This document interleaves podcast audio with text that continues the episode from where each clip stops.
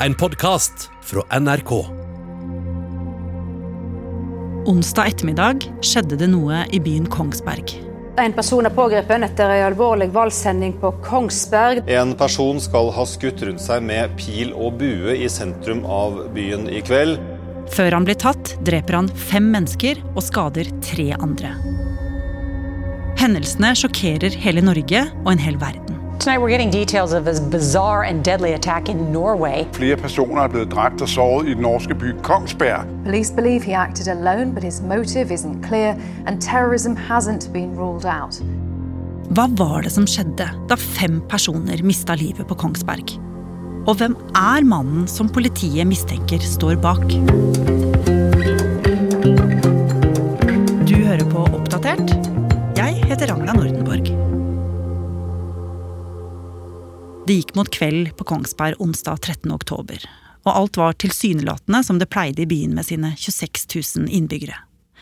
Men så, klokka 18.12, kommer det plutselig en melding inn til politiets operasjonssentral om at noe veldig alvorlig var på ferde i sentrum. De får beskjed om at en mann går rundt i en Coop-butikk med pil og bue og skyter mot folk. Politiet bestemmer seg for å sende en patrulje i retning butikken, og det blir bestemt at de kan være bevæpnet. Samtidig fortsetter det å strømme inn meldinger til politiet om mannen med pil og bue på Coop. Og de sender ut ytterligere tre patruljer for å stoppe ham. Det meldes også om skadde, og politiet i Kongsberg oppfatter situasjonen som så farlig at de klokka 18.17 bestemmer seg for å trykke på den røde knappen. Den såkalte Plivo-alarmen. Et trippelvarsel som går ut til alle nødetatene, helse, politi og brann. En alarm de bare bruker når det skjer noe svært alvorlig. Det begynte jo å tikke inn eh, meldinger på telefonen, og så starta vi jo da eh, altså en chatgruppe med, med, kolleger, og kollegaer hørte forskjellige ting fra forskjellige folk, da, men det alle sammen skjønte, var at nå er det noe, er det noe stort på gang på Kongsberg. Så da ble det beslutta at vi måtte bare stenge oss i bilen og komme oss oppover så, så fort som mulig. Sverre Holm Nilsen er krimreporter i NRK Nyheter og dekker saken fra Kongsberg. Og på vei oppover så sitter vi og jobber og, og ringer tekster de, vi, si, de som kan vite noe. Det vi får vite, er jo at bombegruppa i Oslo er på vei oppover. Eh, Delta er sendt opp. Eh, politihelikopter har blitt eh, sendt i lufta. Og da skjønte vi jo at det her kan være noe, noe veldig stort. Og det viste seg å stemme. For i sentrum av Kongsberg var politiet på sporet av mannen med pil og bue. Klokka 18.18 får de øye på ham. Første patrulje går da inn i Coop-butikken og kommer etter et lite øyeblikk i kontakt med gjerningsmannen og blir umiddelbart beskutt eh, først en gang, og så en gang til. Eh, de kommer sjøl ikke i posisjon til å avfyre skudd. Når den tredje polititjenestepersonen kommer til stedet med mer verneutstyr, så har gjerningsmannen klart å komme seg ut på et eller annet vis vi ikke kan svare på. Etter det så følger de tre opp alle de meldingene politiet får fra publikum om observasjon av gjerningsmannen. Og det som skjer videre, skal bli fatalt. Bevæpnet med pil og bue og andre våpen beveger mannen seg rundt i sentrum. Han går òg inn i hjemmene til folk. Og på sin ferd skyter og dreper han flere personer. Politiet skriver på Twitter at de ber folk i byen om å holde seg innendørs. Og hele 22 politipatruljer er nå ute i gatene på desperat jakt etter mannen og skrekkslagne folk blir vitne til det hele. Med helt vanvittige skrikelyder som bare skar seg inn i, inn i sjelen min. Jeg kommer, jeg kommer, aldri, aldri til å glemme de Det var en sånn fortvilelse. Det var en, en desperasjon i, i, det skriket. Jeg gikk ned trappan, åpnet opp en dør. Da hadde formodentlig gjerningsmannen sprunget forbi, for det kom politi og sprang og jaget. Och sen öppnade upp dörren fem minuter senere. Da sprang de åt andre hållet, precis som de søkte. Til slutt finner politiet gjerningsmannen endelig igjen. De avfyrer varselskudd, og klokka 18.47, altså 34 minutter etter den første meldingen kom til politiet, klarer de å pågripe han. Men situasjonen er fortsatt kaotisk på Kongsberg. Og ennå vet man ikke hvor stor tragedien som akkurat har utspilt seg, er. Da ønsker vi god kveld og velkommen til denne sendingen som handler om en alvorlig hendelse i Kongsberg. Flere personer er skadet og drept etter at en mann angrep med bue og pil i Kongsberg sentrum i kveld. Men dramatikken er ikke over. Politiet vet ikke om det kan være flere gjerningsmenn der ute, og de leter også etter drepte og skadde personer. Og ikke lenge etterpå, Sverre, så kom du og kollegaen din fram til Kongsberg. Og hva var det som møtte deg? Så da vi kom innover Kongsberg, så kunne man jo se Det var jo mørkt, og det var tåkete. Og så da så man jo egentlig flere steder, forskjellige steder i byen, at det sto blålys. Det var politipatruljer rundt over hele byen, fikk vi inntrykk av. Eh, vi kom til et sted som heter Gamlebrua, som går over elva her i byen.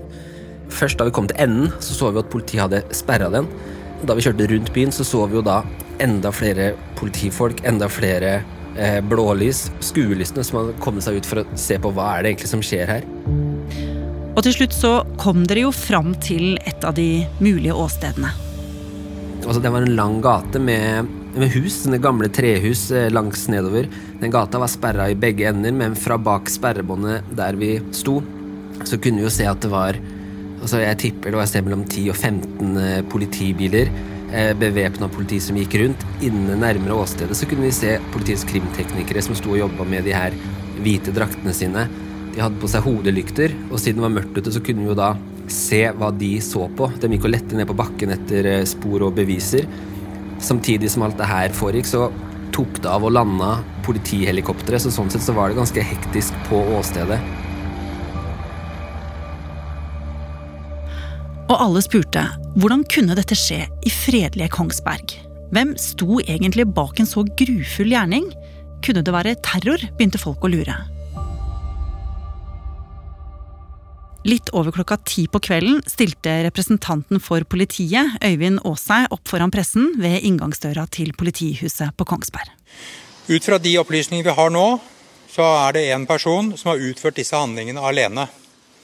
Ut fra hendelsesforløpet så er det naturlig å vurdere om dette er en terrorhandling. Den pågrepne er ikke avhørt, og det er derfor for tidlig å si noe om dette, hva som er knyttet til vedkommendes motivasjon. Og ca. kvart på elleve, på deres aller siste kveld på jobb i regjeringen, så holder avtroppende statsminister Erna Solberg og justisminister Monica Mæland pressekonferanse. Det er en svært dramatisk situasjon som rammer Kongsberg-samfunnet hardt. Og hendelsene ryster oss. Og jeg forstår at mange er redde. Derfor er det viktig å understreke at politiet mener de nå har kontroll på situasjonen. Politifolk over hele landet har nå fått eh, midlertidig operasjonsordre om å være bevæpnet. Og ikke lenge etter blir det klart hvor alvorlige angrepene har vært. Og jeg kan da dessverre bekrefte at det er fem drepte personer og to som er skadd. Nå var Kongsberg i sorg. Kirka tok imot sørgende, og kommunen åpnet et mottakssenter på Gyldenløve hotell for pårørende. Ja, her på Gyldenløve hotell i Kongsberg sitter kommuneledelsen samlet. Her har man opprettet et mottak for pårørende og andre som trenger støtte. Og ordfører eh, Karianne Sand, kan du si litt om hvordan dette påvirker kommunen nå i kveld? Ja, det påvirker oss jo veldig sterkt, selvfølgelig. Vi prøver nå å legge til rette for å ivareta de innbyggerne som eh, trenger det kriseteamet. Og mens mørket falt på, fortalte politiet at mannen de hadde pågrepet, var kjørt i arresten i Drammen. Men de hadde ikke flere opplysninger om hvem han var. Og nå tok virkelig kommentarfelt og sosiale medier fullstendig fyr. Massevis av folk spekulerte åpent på hvem gjerningsmannen var, og flere la ut bilder og videoer av folk de mente det kunne være. Til slutt ble trykket så stort at politiet gikk ut og fortalte mer om hvem han var. Han er en 37 eh, år gammel mann. Han er eh, formelt dansk borger, men har bodd flere år i Kongsberg. Politiet er kjent med han fra tidligere forhold, det er det. Og like etter kom forsvareren på banen. Han samarbeider med politiet, og han har forklart seg i detalj om hendelsen. Hva slags tilstand er han i nå? Han er jo klart preget av situasjonen. Og mens Norge sover, jobber politi og presse videre. Og torsdag morgen sto politiet på en pressekonferanse og fortalte mer om ofrene. Det ble klart at de drepte var fire kvinner og én mann. Alle var mellom 50 og 70 år, ifølge politiet. Og så kom de med opplysningene mange ventet på. Mer om hvem den antatte gjerningsmannen var, og hva motivet eventuelt kunne være. Politiet har tidligere vært i kontakt med mannen. Eh, herunder som følge av at det tidligere har vært bekymring knytta til radikalisering. Hva slags radikalisering er det snakk om? Eh, det er snakk om en konvertitt til islam. Det dreide seg altså om en mann som hadde konvertert til islam, og som politiet hadde fått advarsler om. Og Øyvind Bye Skille, du og dine kolleger her i NRK begynte veldig tidlig å finne ut mer om hvem denne mannen er, og dere fant jo ganske mye informasjon. Hva var det? Det er jo blant annet at han er sønn av ei dansk dame som bor på Kongsberg, og, og, men har bodd mesteparten av livet sitt sjøl på Kongsberg, sjøl om han er dansk statsborger. Eh, han har eh, spilt ishockey, han har eh, gjort ting som man kanskje gjør når man vokser opp på Kongsberg. Men så hører vi jo da at eh, det er også ting seinere i livet hans som peker på at det kanskje har vært problemer. Og hva er det? Nei, blant annet så får vi høre fra venner og bekjente at noen har vært bekymra for han og har sagt fra til myndighetene på ulike vis, og blant annet da til politiet sagt fra at han her kan kanskje være farlig, han har gjort ting eller lagt ut ting, og en historie der er at han har lagt ut noen videoer på internett jeg er en eh, budbringer. Jeg kommer med en advarsel. Som gjorde folk rundt han bekymra, og da de sa fra til politiet om at han her må dere følge med på. Men vi har eh, også snakka med venner av han som sier at det er ting som kan tilsi at det kanskje ikke er så mye ideologi og radikalisering, men at han kanskje er psykisk syk og trengte hjelp. Ja, og så fant dere også ut at han hadde hatt mye med politiet å gjøre. Vi finner også spor av at han er dømt for tyveri og mindre narkotikalovbrudd. Men så, nå i mer nylig tid, i fjor sommer, så ble han da ilagt det som kalles besøksforbud. Han ble forbudt å møte nære familiemedlemmer av at han hadde trua med å drepe dem. Og det vi lurer på, er jo hvorfor ikke politiet klarte å stoppe ham på hans ferd gjennom Kongsbergs gater. Og ikke minst dette med at han har blitt varslet på av venner til PST. Har vi noe svar på det? Så langt har vi ikke noe klart svar på det. PST sier at de var kjent med han fra tidligere, og at de hadde hatt et samarbeid med lokalt politi, og at de fortsatt har et sånt samarbeid med lokalt politi. Vedkommende har vært kjent av eh, PST. Han har en sammensatt eh, historikk. Eh, og utover det så har vi ikke kommentert noe bortsett fra det vi har delt med, med Sør-Øst politidistrikt. Og lokalt politi da i Sør-Øst politidistrikt sier jo at de da vet at det tok en del minutter før de klarte å stoppe han, og at de hadde også opplysninger om han hadde hatt med han å gjøre. Så det de sier, er at de må sannsynligvis evaluere det og granske det som andre store terrorhendelser og beredskapshendelser i Norge. Men det tar jo ofte lang tid, og det får vi kanskje ikke svar på med det første. Eh, mange stiller seg spørsmålet om eh, hvorfor han ikke ble pågrepet før. Hva er eh, din forklaring til det? Jeg har prøvd å redegjøre så åpent som mulig for det faktum vi har nå, og så er det et komplisert hendelsesforløp deretter. Det er tema for etterforskning. Det skal vi svare grundig på, men vi må være sikre på at det vi sier er riktig. Og da må vi gjennomføre etterforskninga grundig først. Espen Andersen Bråten er altså navnet til den siktede mannen. Og han erkjenner de faktiske forholdene, men det er ikke ennå klart om han erkjenner straffskyld. Politiet bekrefter også at han nå skal vurderes av rettspsykiatriske sakkyndige. Og i dagene som kommer, vil vi kanskje få flere svar på hvordan disse grusomhetene skjedde.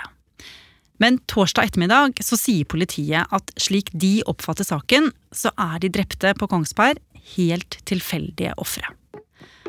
Politiets sikkerhetstjeneste sier at de ikke utelukker at det dreier seg om terror, men at saken også kan handle om psykiatri.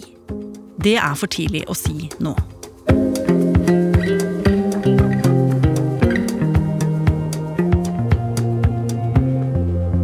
Har du lyst til å bli fast lytter av oss i Oppdatert og få påminnelse om nye episoder, er det bare å følge oss i NRK radioappen.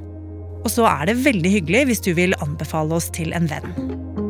Oppdatert er en podkast fra NRK Nyheter, og denne episoden er laget av Irina Kjelle, Kaja Kirsebom, Martin Holvik, Mariann Strand, Pål Gauslå Sivertsen og meg, Ragna Nordenborg.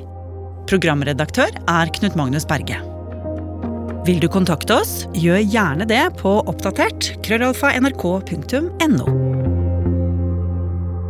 Du har hørt en podkast fra NRK. Hør flere podkaster og din favorittkanal i appen NRK Radio.